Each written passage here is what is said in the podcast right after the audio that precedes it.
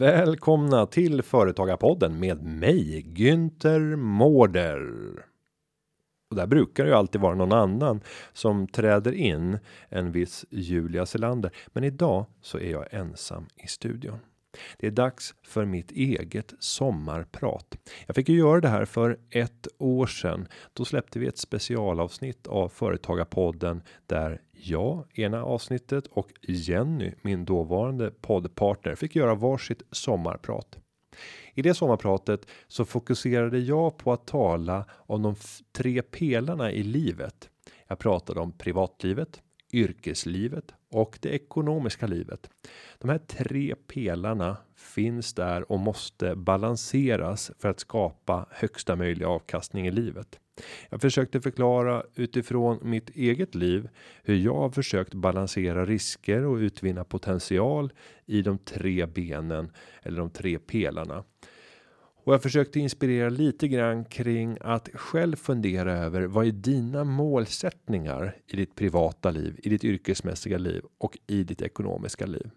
Om du vill ta del av det avsnittet så ligger det fortfarande kvar. Du kan gå in på Soundcloud eller på Podcaster på din iPhone och bläddra tillbaka ungefär 50 avsnitt i tiden för Företagarpoddens serie. Där den 10 augusti 2016 så hittar ni Günthers sommarprat. Men nu som sagt är det dags för ett nytt sommarprat och den här det här året tänkte jag fokusera på misstag. Och anledningen till att jag gör det, det är att misstag sker ständigt. Vi misslyckas, vi gör fel och det där är ett tillfälle då vi har anledning att stanna upp, reflektera, lära oss någonting för att sen kunna gå vidare och på något sätt bli lite mer kompletta människor.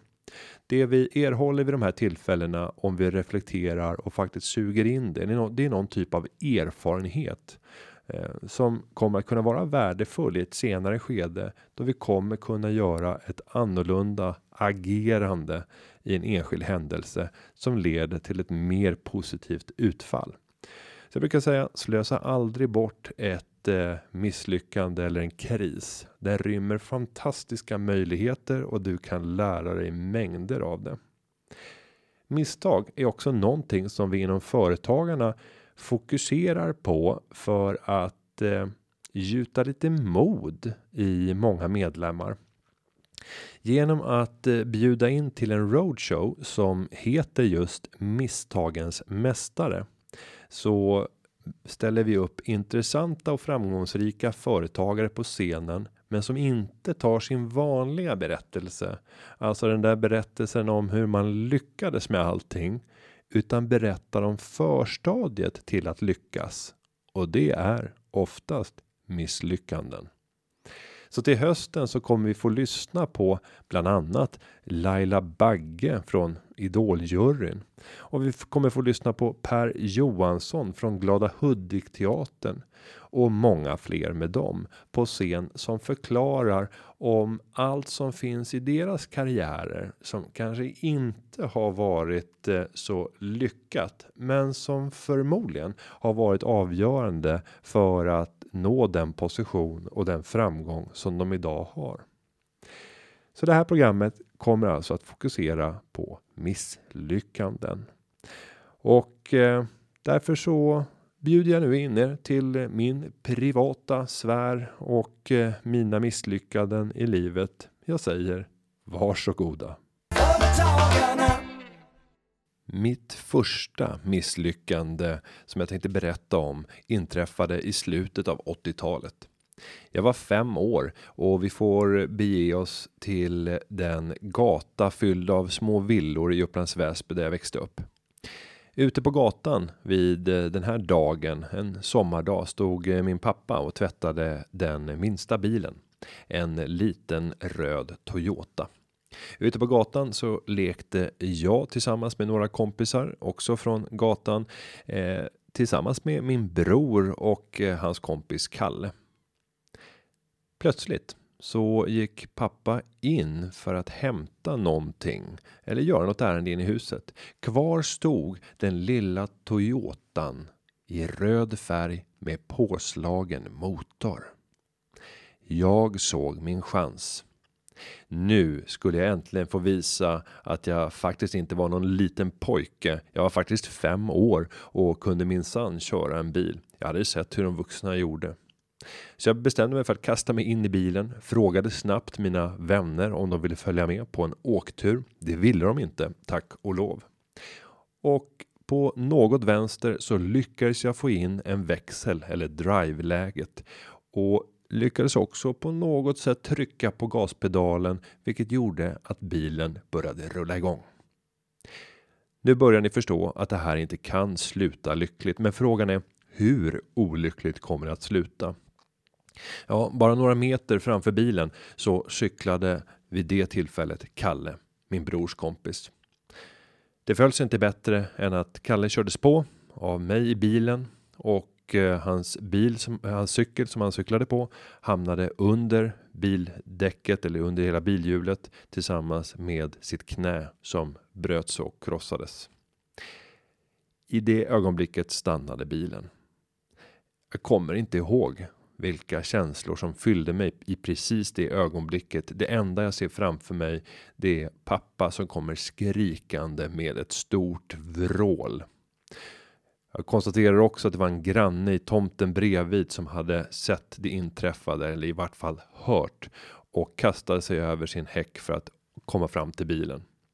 Tillsammans så lyckades de lyfta hela bilens framparti och dra ut Kalle som nu befann sig under bilen. Ja, det här är ett misstag och ett misslyckande utan dess like som dessutom fick förödande konsekvenser för Kalle i det läget. Till Kalle, till Kalles föräldrar och till mina föräldrar eh, vill jag bara säga förlåt. Det var inte meningen. Eh, det går naturligtvis inte när man är fem år att eh, förstå konsekvenserna av en sån här handling. Jag har ibland tänkt och nästan drömt mardrömmar om att själv behöva vara den förälder som ska ringa det här samtalet till eh, Kalles föräldrar för att så smått berätta att det har hänt någonting. Ja, vad är det som har hänt? Jag fick följa med till sjukhuset och träffa Kalle eh, och jag vet att det var en jobbig stund. Skammen var fullständig.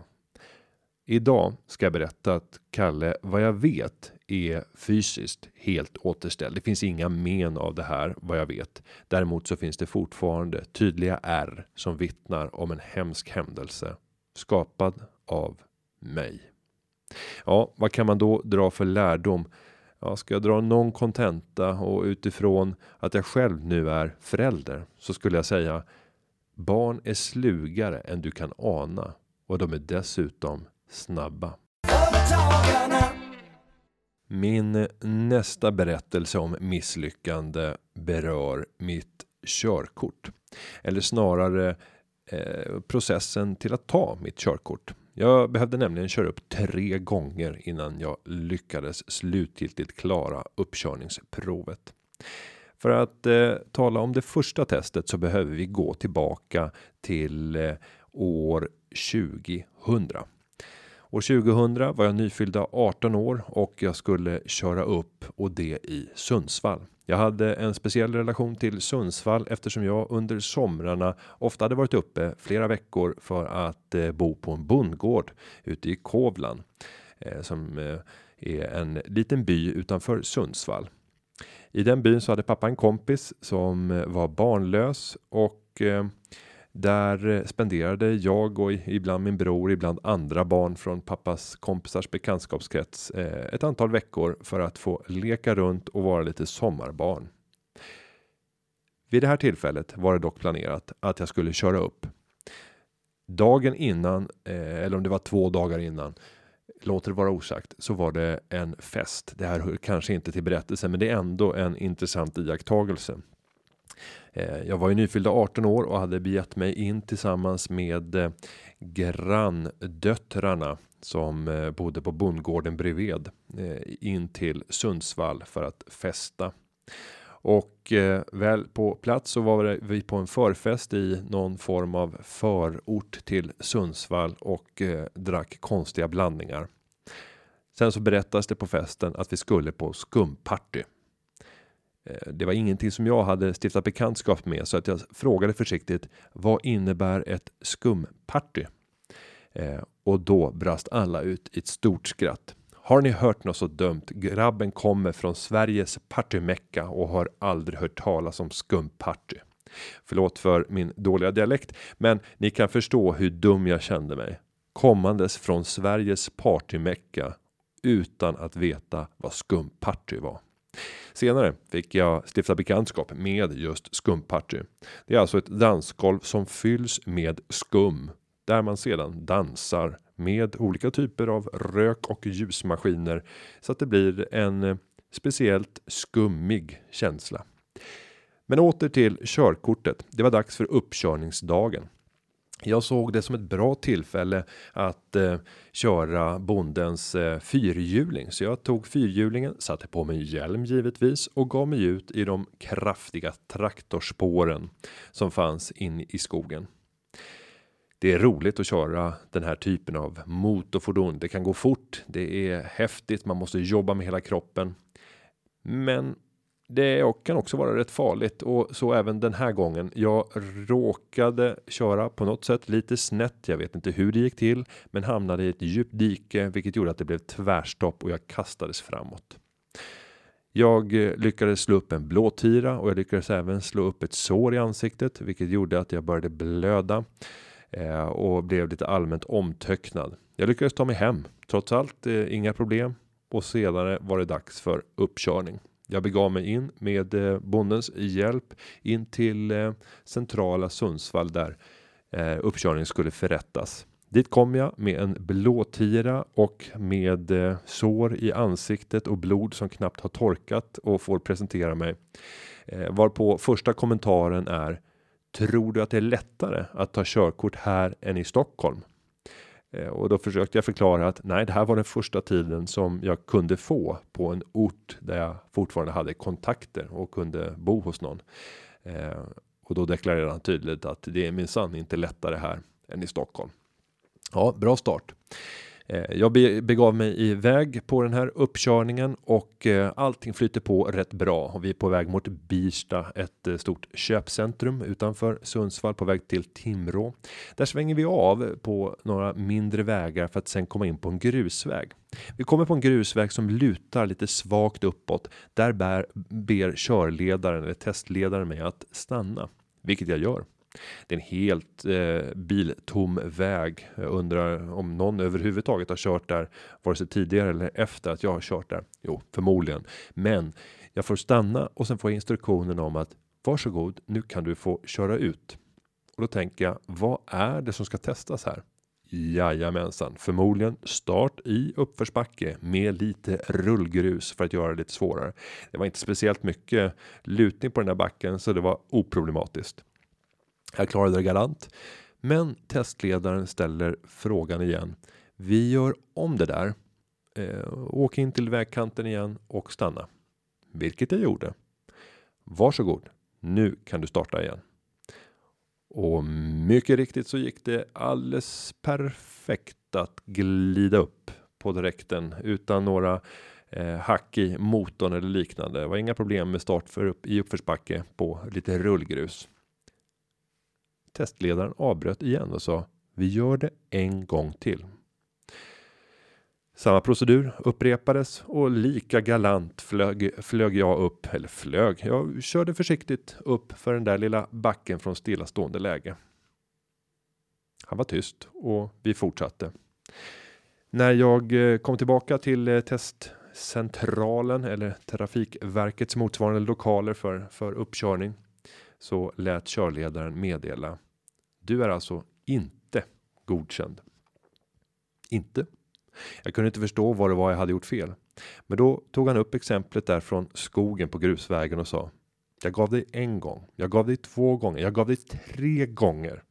Att få visa att du klarar att blinka när du kör ut från vägkanten. Vid inget av tillfällena lyckas du göra det. Det måste du göra för att få, få ett körkort. Jag försökte lite eh, argumentera för att eh, den enda som möjligtvis skulle kunna sett en blinkning där inne i skogen är någon borttappad älg. Eh, det hjälpte som ni förstår föga. Så jag fick eh, åka hem blåslagen utan körkort den gången.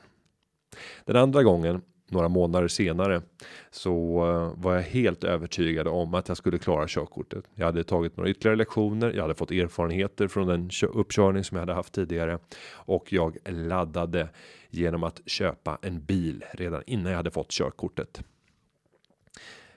Den här uppkörningen skulle ske i Uppsala och eh, det ligger inte långt bort från Sollentuna där jag då bodde. Eh, men jag hade inte fått någon skjuts Eh, så att jag funderade på hur jag skulle ta mig dit.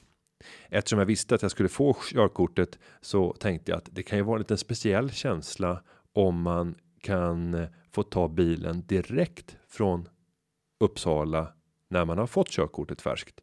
Så jag frågade några vänner som hade körkort om de kunde tänka sig att köra mig dit för att sen vänta och sen kunde jag köra hem så kunde det bli en liten ceremoni av det där.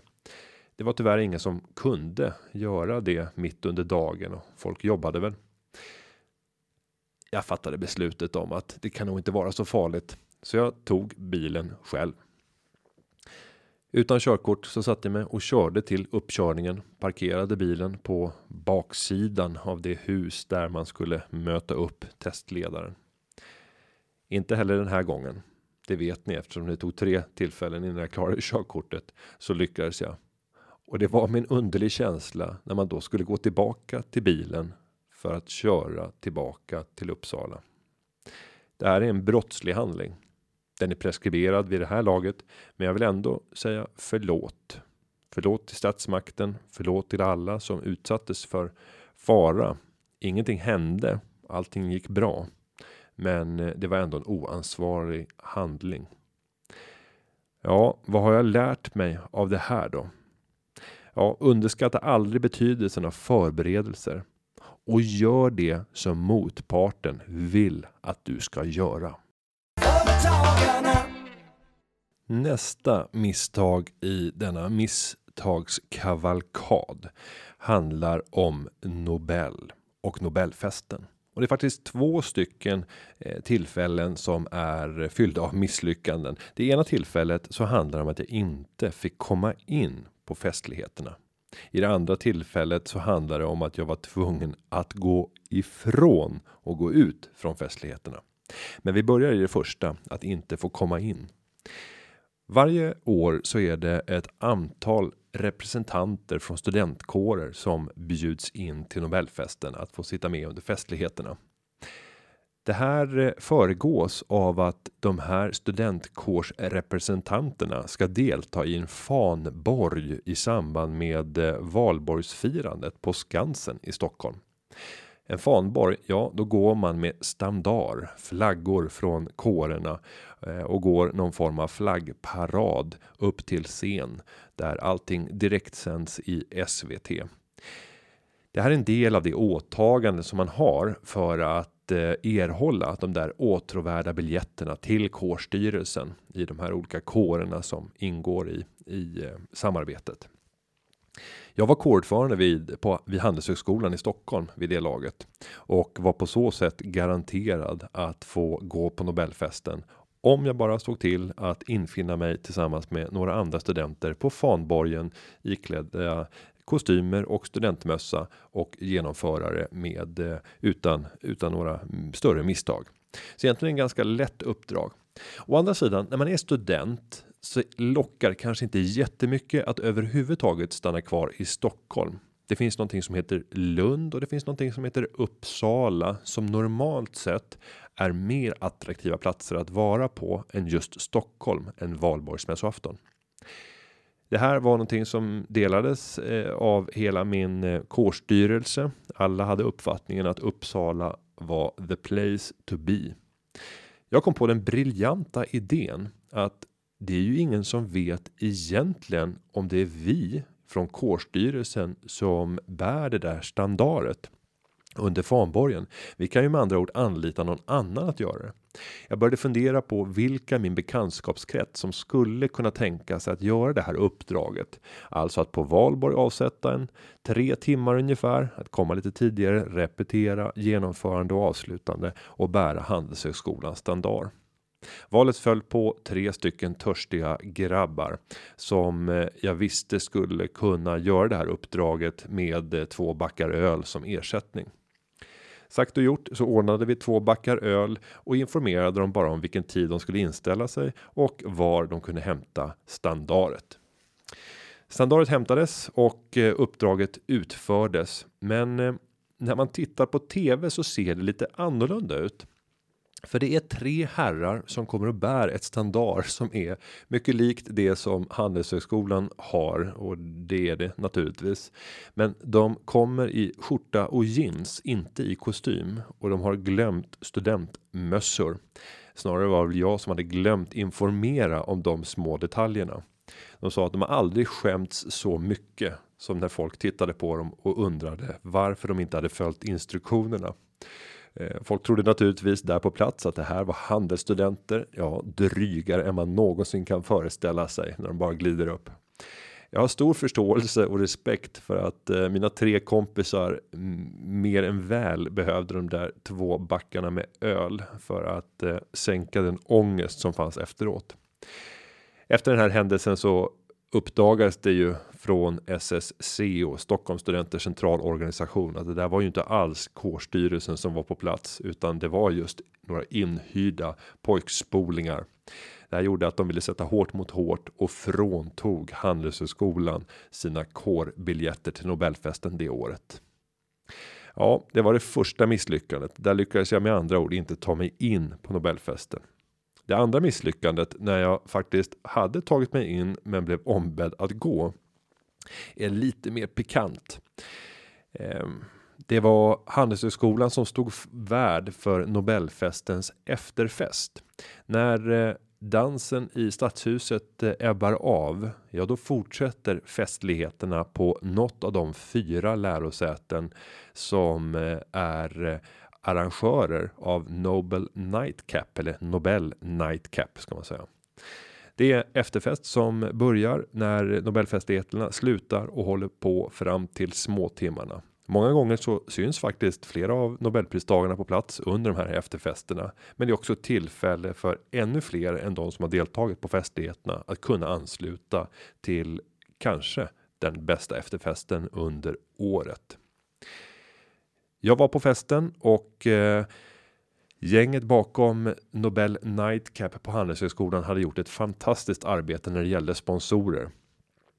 De man hade bland annat fått Paul Roger eller Paul Roger som är en känd champagnetillverkare att eh, vara stor sponsor och man hade byggt upp ett stort champagnestånd där eh, det bjöds ut. Allting är kostnadsfritt under den här efter, efterfesten så man kunde alltså stå och dricka gratis champagne. Eh, det gillar naturligtvis både jag och Winston Churchill. Men i avsaknad av Winston Churchill så konstaterade jag att nu kan man ju faktiskt genomföra champagne-race. Klockan var väl 2-3 på natten vid det här laget. Festen skulle väl hålla på till 5. Och jag kom på idén att låt oss utmana varandra.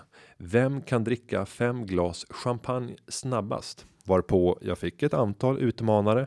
Vi ställde upp fem glas på ena sidan och fem glas på andra sidan och sen hjälpte kämpaglada studenter till att räkna ner till starten för detta champagne-race. Den första tävlingen eh, mot den första motståndaren vann jag alldeles galant. Eh, jag tror till och med att eh, min mottävlande, min kombatant i det läget avbröt efter två och ett halvt glas. En riktig fegis. Samma sak hände med motståndare nummer två Motståndare nummer tre är jag inte riktigt klar över. Nu hade man ändå fått i sig 10 glas champagne. Eh, men jag tror att han faktiskt försökte dricka alla, men även han avbröt nog. Efter den fjärde motståndaren så började det bli lite för mycket för min del. Ja, ni kan tänka er själva att inom loppet av kanske 20 minuter, kanske 30 minuter hälla i sig 20 glas champagne. Eh, jag blev vad man skulle kunna säga lite full i hatten gåendes i frack och med eh, medaljer tillhörandes en före detta kårordförande så eh, finns i princip inga minnen kvar från vad som egentligen hände den kvällen. Mer än att jag dagen efter fick återberättat att vakterna hade med ganska bryskt handlag visat ut mig från festligheterna.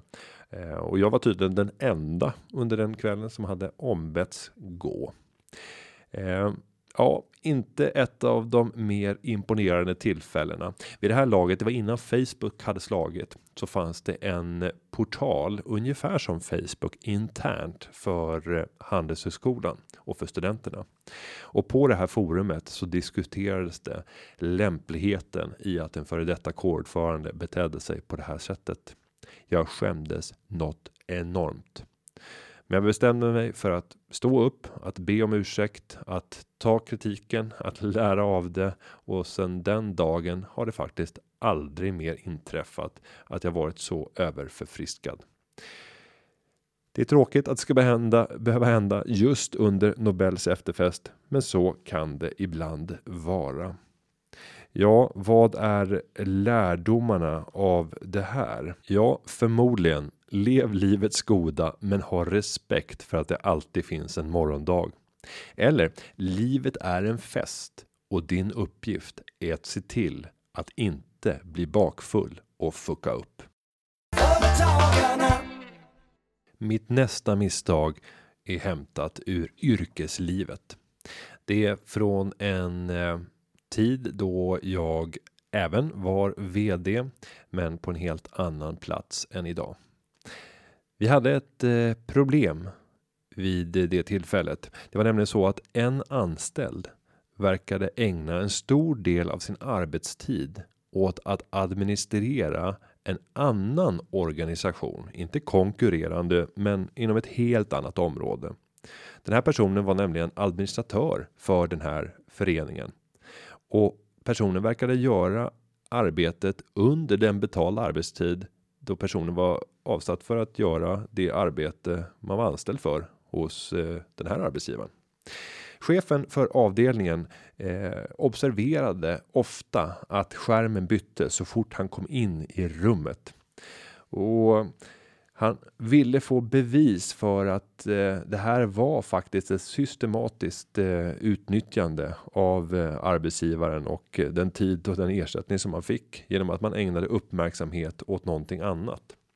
Han frågade mig eh, kan jag få godkännande att få gå in och eh, säkerställa bevis genom att kunna öppna upp mailkorgen eh, och även ta upp backuper för att kunna se historiska eh, mail och på så sätt kartlägga hur stor är omfattningen och se är det i eh, härledbart genom mailen.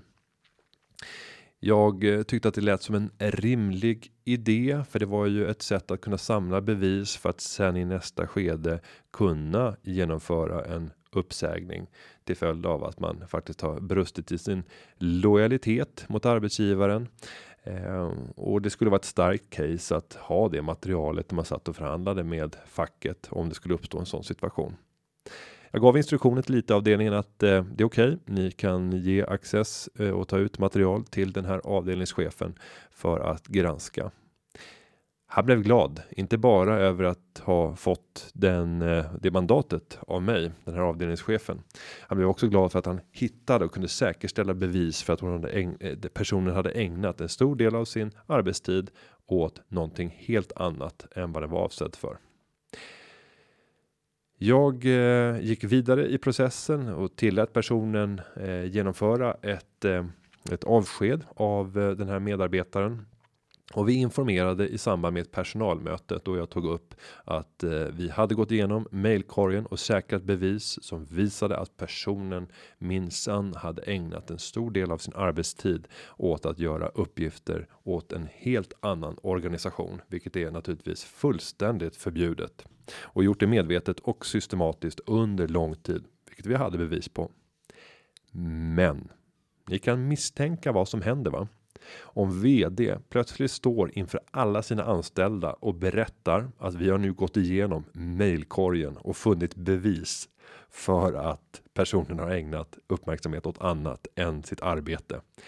Det utbröt ju en tyst panik i den här gruppen när medarbetarna sen kom tillbaka till datorerna så gick man naturligtvis igenom och tittade på har jag skickat några privata mejl i hur stor omfattning kommer vd att säga upp mig till följd av att jag har har har skickat de här mejlen.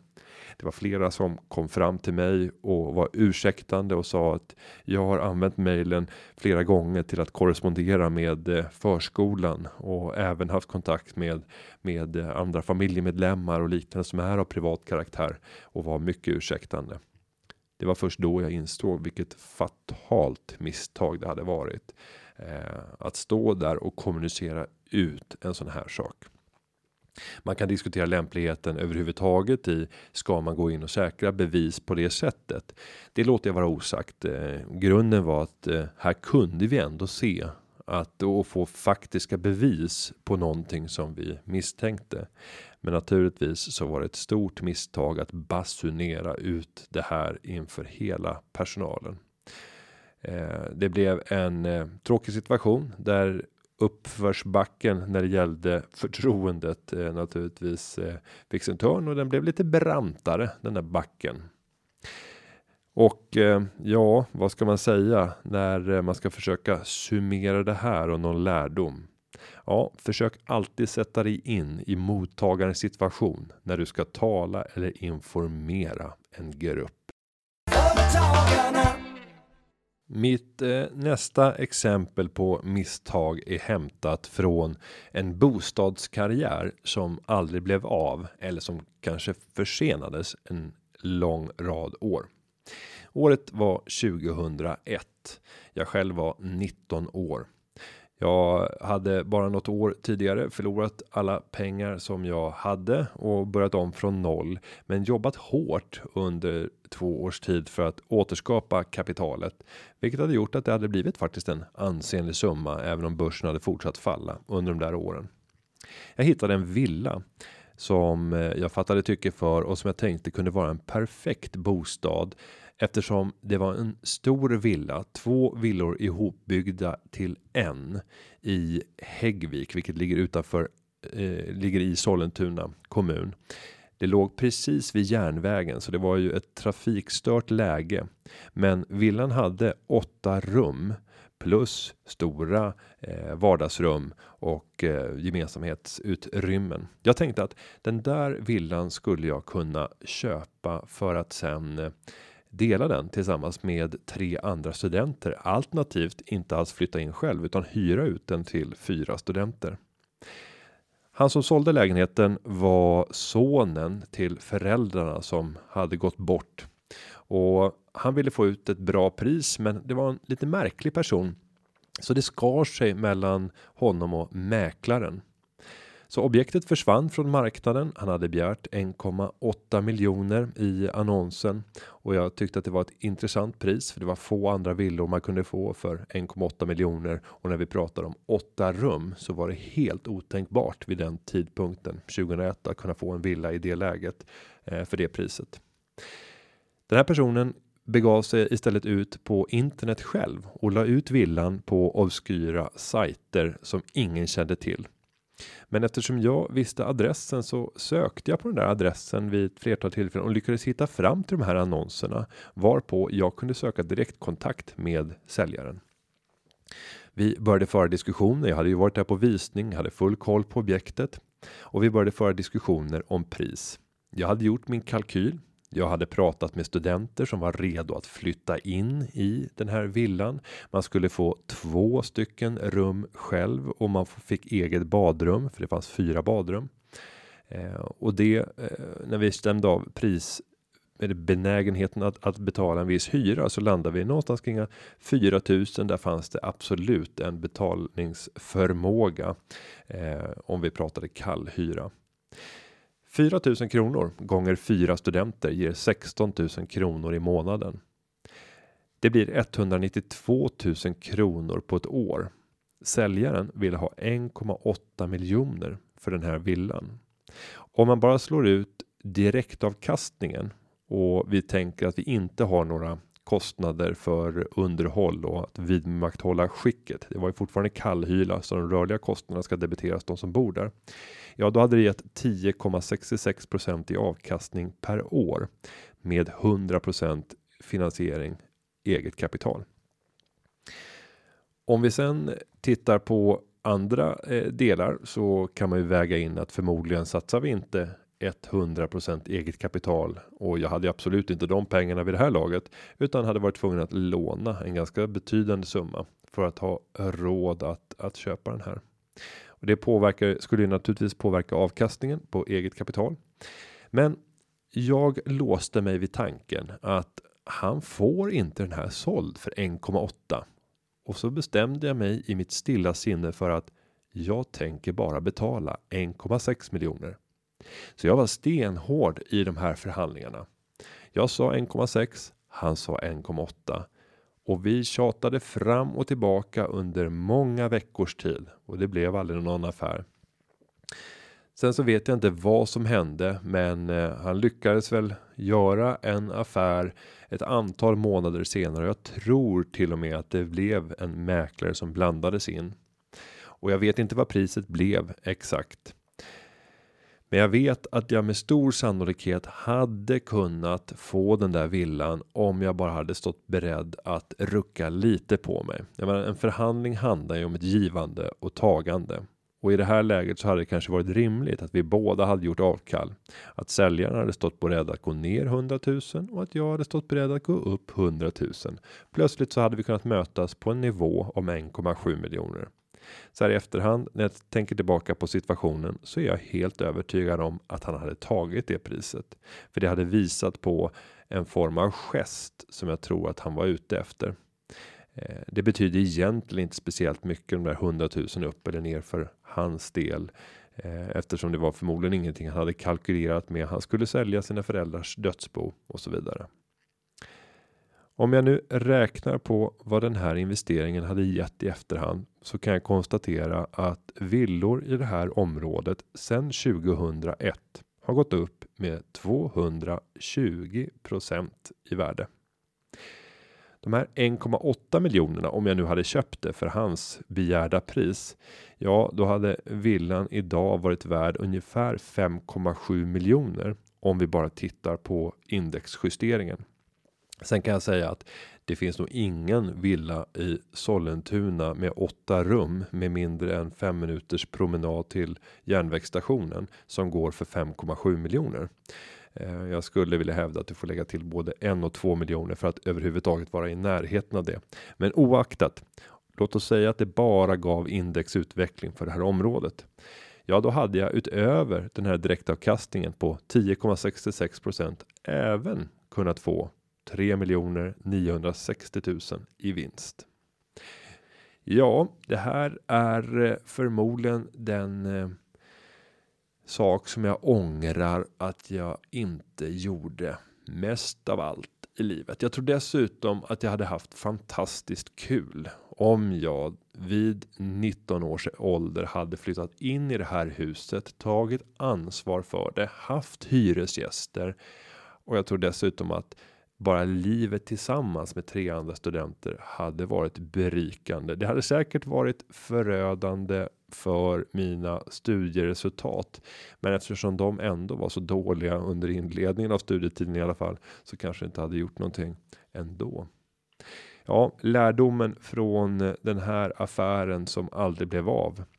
Det är väl någonstans att sluta vara envis och kämpa för sista kronan i förhandling. Ibland är tillräckligt gott nog. Mitt eh, nästa misslyckande rymmer rotfrukter. Vi befinner oss en höst under min studietid. Då går plötsligt City Gross ut och annonserar att man tänker sälja rotfrukter för 50 öre kilot. 50 öre kilot. Det är ett fantastiskt pris. 10 kilo för 5 kronor. Det var ett maxtak om 10 kilo per person och eh, som ni alla vet så går ju det där att runda rätt friskt och i en sån stor butik som City Gross var i Bromma så finns det ju mängder av kassor så risken att bli upptäckt är relativt liten. Så jag begav mig dit och eh, genom eh, eh, mängder av turer fram och tillbaka mellan olika kassor så lyckas jag köpa någonstans mellan 50 och 70 kilo rotfrukter under den här perioden. Det var blandat av allsköns rotfrukter, vilket gjorde att det fanns en fantastisk möjlighet att hemma vid tillaga de mest fantastiska kreationerna. Eh, sen är min matlagningskonst rätt begränsad, så jag ska vara ärlig och säga att det blev mest rotfrukt i ugn och så blev det rot, kokta rotfrukter eller rotfruktssoppa. Och jag beslöt mig av eh, förmodligen mest ekonomiska skäl för att testa om det gick att leva på bara eh, rotfrukter. Att äta rotfrukter till frukost, till lunch och till middag. Mitt besked till dig som undrar eh, och kanske alltid har undrat det här är ja, det är möjligt att leva på enkom rotfrukter i vart fall under ungefär en och en halv månads tid. Eh, det finns bieffekter av det. En bieffekt är att du eh, rasar i vikt. Jag har fått eh, förklarat för mig i efterhand att att bara äta rotfrukter gör att du kan inte få i dig den energimängd som behövs för att bara vidmakthålla den nivå som du har i ett normalt liv, vilket gör att det alltid kommer vara ett energiunderskott eh, och därmed så kommer du att äta på dina reserver och därmed minska i vikt. Du måste komplettera med någonting annat som är mer energirikt. Jag vet inte om det stämmer, men eh, jag gick ner kraftigt i vikt, ungefär 8 kilo vill jag minnas. Eh, en annan effekt är att man blir rätt risig i eh, kistan. Det just rotfrukter och kokta rotfrukter gör att eh, ja, magen kan agera lite annorlunda än normalt, så det behöver man inte oroa sig över, utan då vet man det redan innan man sätter igång. Men som ni förstår så tröttnar man ju någon gång till slut. Jag tror att jag är en sån person som tröttnar senare än andra och det har nog att göra av mitt ekonomiska intresse. För jag satt ju och räknade på vad varje portion kostade och när man då äter ja, inte kanske ett halvt kilo rotsaker till eh, frukost, en rejäl bukfrukost och så funderar man över priset på ja, hälften av 50 öre, alltså 25 öre rotfrukter har vi nu tryckt i oss. Och sen kanske man tar ett halvt kilo till eh, till lunch och ett halvt kilo till middag. Så den totala kostnaden blev 75 öre för råvarorna den dagen. Sen ska man ha i lite salt och sånt där, lite peppar. Men, men där är kostnaden rätt så försumbar. Den kan de flesta klara av. Så det blir otroligt billigt, vilket ut, ger ett utmärkt tillfälle att lägga undan i sparande. Sparande, ja, rotfrukterna måste ju sparas någonstans eller förvaras någonstans. Vid det här tillfället så bodde jag i en fastighet som min eh, pappa ägde via sitt eh, bolag där det i övrigt var mest kontorsverksamhet medan jag bodde på övervåningen där det fanns en liten lägenhet jag upptäckte att eh, det fanns en torr och sval plats nere i källaren på det här huset som användes som arkivrum. Där ställde jag upp alla dessa kilon med rotfrukter. Däremot så tröttnade jag ju till slut på de här rotfrukterna och jag vet inte om det var efter just en och en halv månad, men något sånt där. Kvar då fanns rätt många kilo rotfrukter. Om det var 10, 20 eller 30 vill jag låta vara osagt, men en stor mängd rotfrukter. Månaderna gick. Jag hade gett upp min, eh, min rotfruktsdiet. Det hade fått önskad effekt. Jag hade kunnat lägga undan pengar i sparande. Jag hade fått eh, äta mig mätt och jag hade som lite eh, lök på laxen minskat i vikt och, och i alla fall för någon månad eller två fått uppbära en lägre vikt än normalt. Det, det, går ganska snabbt att återhämta sig sen efteråt om, om man känner en oro för det. Plötsligt så knackade på min dörr hemma. Då är det en eh, från kontoret under som eh, undrar vad i hela som har hänt i källaren. Och eh, jag har ingen aning om vad han syftar på. Men han hävdar att det är en stank som är vidrig och det är fullt av mögel som har fortplantat sig på hans redovisning. Det är där han arkiverade all sin gammal redovisning. Alltså vad kan det vara för någonting? Men jag bestämde mig ändå för att följa med och gick de där trapporna ner till källaren och när vi är på väg till just den platsen så slår det mig. Just det. I höstas så köpte jag massa rotfrukter. ja, och eh, det var inte någon given succé när dörren öppnades där och man kände den här stanken och bara såg hur det hade vuxit och blivit äckligt mögel av alltihopa.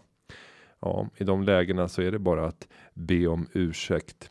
Och ska jag försöka sammanfatta det här rotfruktsäventyret så kan jag väl säga fundera över konsekvenserna av ditt handlande och ha en plan som håller långsiktigt.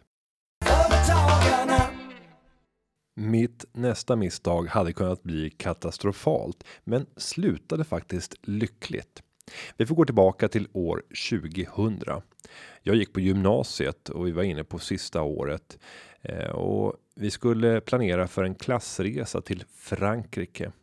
Jag är uppvuxen eh, med musik och gick Adolf Fredriks musikklasser och sen Stockholms musikgymnasium och då gör man ofta såna här typer av konsertresor. Klasskassan var relativt välfylld tack vare att vi kunde göra rätt mycket sjungningar, inte minst i samband med Lucia och jul då företag stod beredda att betala både 10 och ibland 20 000 för att få lite härlig underhållning till sitt fika. Så klasskassan var relativt stor, men den fylldes även på av insättningar av varje elev och där var jag satt som ansvarig att hålla i böckerna och eh, hålla koll på hur mycket som fanns i kassan. År 2000 var också ett år då det mesta handlade om den fantastiska ekonomin och börsen som aldrig ville sluta gå upp. Året innan 1999 så hade börsindex i Stockholm stigit med 66% på ett enskilt år och det stora rallyt inträffade i december 1999. Det här var tillfället då regeringskansliet och eh, dåvarande statsminister Göran Persson och sin näringsminister Björn Rosengren fattade beslut om att nu är det tillfälle att sälja Telia. Man eh, hade valt spåret börsnotering och svenska folket manades att köpa aktier till 85 kronor stycket.